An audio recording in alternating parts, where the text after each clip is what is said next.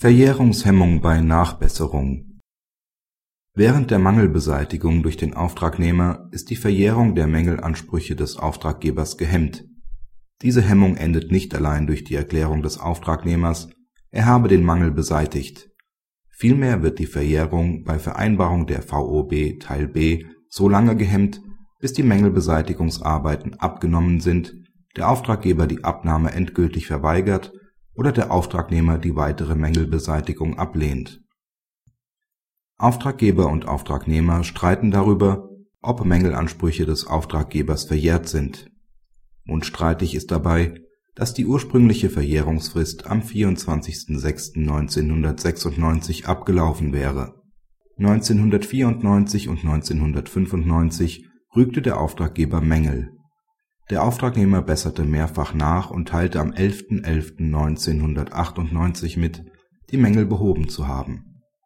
Auf diese Mitteilung reagiert der Auftraggeber nicht. Insbesondere nimmt er die Mängelbeseitigungsarbeiten nicht ab, sondern erhebt in der Folgezeit weitere Mängelrügen. Als sich Auftraggeber und Auftragnehmer nicht darüber einigen können, ob der Auftragnehmer ordnungsgemäß nachgebessert hat oder nicht verweigert der Auftragnehmer Ende November 2000 weitere Leistungen. Am 21.06.2001 kommt es sodann zum Prozess. Der Auftragnehmer beruft sich auf Verjährung. Die entscheidende Frage ist dabei, ob durch die Mitteilung vom 11.11.1998 die Hemmung der Verjährung endete. Wäre dies der Fall, wären die Ansprüche des Auftraggebers verjährt Während das OLG Dresden der Verjährungseinrede Erfolg zubilligte, stellt der BgH fest, dass Verjährung noch nicht eingetreten ist. Nach § 13 Nr. 5 Absatz 1 Satz 3 VOB Teil b hat eine Abnahmeprüfung stattzufinden, mit der die Erklärung des Auftragnehmers, die Mängelbeseitigung sei vorgenommen, überprüft und eventuell auch beanstandet werden kann § 13 Nr. 5 Absatz 1 Satz 3 VOB Teil b setzt dabei stillschweigend voraus, dass die Hemmung der alten Gewährleistungsfrist bis zur Abnahme oder einer dieser gleichstehenden Erklärung nicht beendet wird. Hierin liegt eine Modifizierung des § 639 Absatz 2 BGB.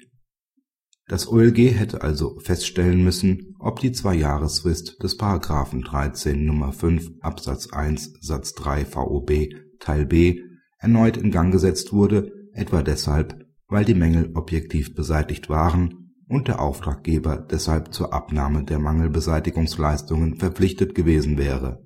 Da das OLG derartige Feststellungen nicht getroffen hat, verweist der BGH zur weiteren Aufklärung zurück. Praxishinweis Das Urteil des BGH ist von erheblicher Bedeutung. Der BGH weist darauf hin dass der Schutz des Auftraggebers unvollkommen wäre, wenn die durch die Mängelbeseitigungsleistungen erfolgte Hemmung der Verjährung allein durch die Erklärung des Auftragnehmers beendet würde, er habe die Mängel beseitigt, obwohl die Mängel objektiv nicht beseitigt sind. Denn dann könnte der Auftragnehmer durch einfache Erklärung die Hemmung beenden, ohne dass eine neue Gewährleistungsfrist beginnt das entspricht nicht dem Rechtsgedanken und der Systematik des § 13 Nr. 5 Absatz 1 Satz 3 VOB Teil b